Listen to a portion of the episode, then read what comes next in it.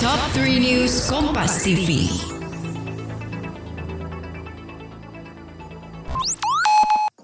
Eits, suka cerita horor, pop, sejarah wayang, dan kriminal. Nah, setiap Jumat akan tayang podcast drama udara persembahan Motion KG Radio Network by KG Media yang siap menghibur akhir pekan kamu.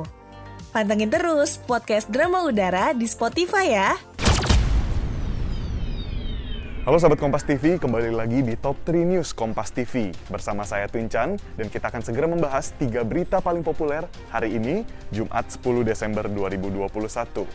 Sahabat Kompas TV untuk berita yang pertama, berita duka datang dari kota Bandung, Jawa Barat, di mana wali kota Bandung, Odet Muhammad Daniel menutup usia ketika menjalankan sholat Jumat di Masjid Mujahidin, kota Bandung. Akrab disapa dengan panggilan Mang Odet, ia sempat dibawa ke rumah sakit tapi tidak tertolong. Almarhum disolatkan di rumah dinas pendopo kota Bandung. Mang Odet meninggal saat akan melaksanakan sholat Jumat. Saat itu, ia hendak menjadi khotib sholat Jumat. Tapi ketika menuju mimbar, Mang Odet terjatuh dan tak sadarkan diri.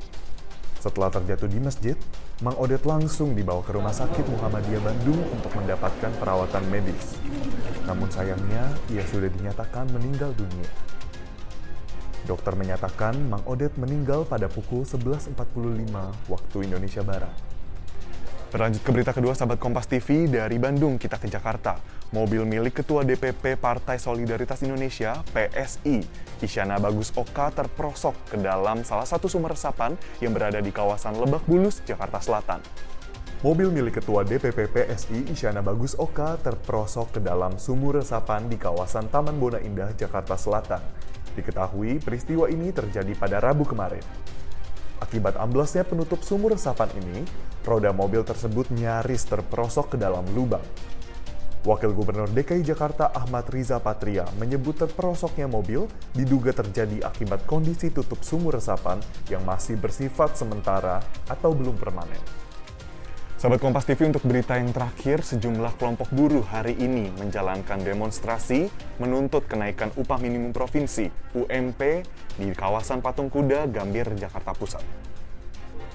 Sempat terjadi keributan saat mobil komando milik Konfederasi Serikat Buruh Seluruh Indonesia atau KSBI mencoba menerobos kawat barrier yang dipasang pihak kepolisian di Jalan Medan Merdeka Barat, Gambir, Jakarta Pusat siang tadi.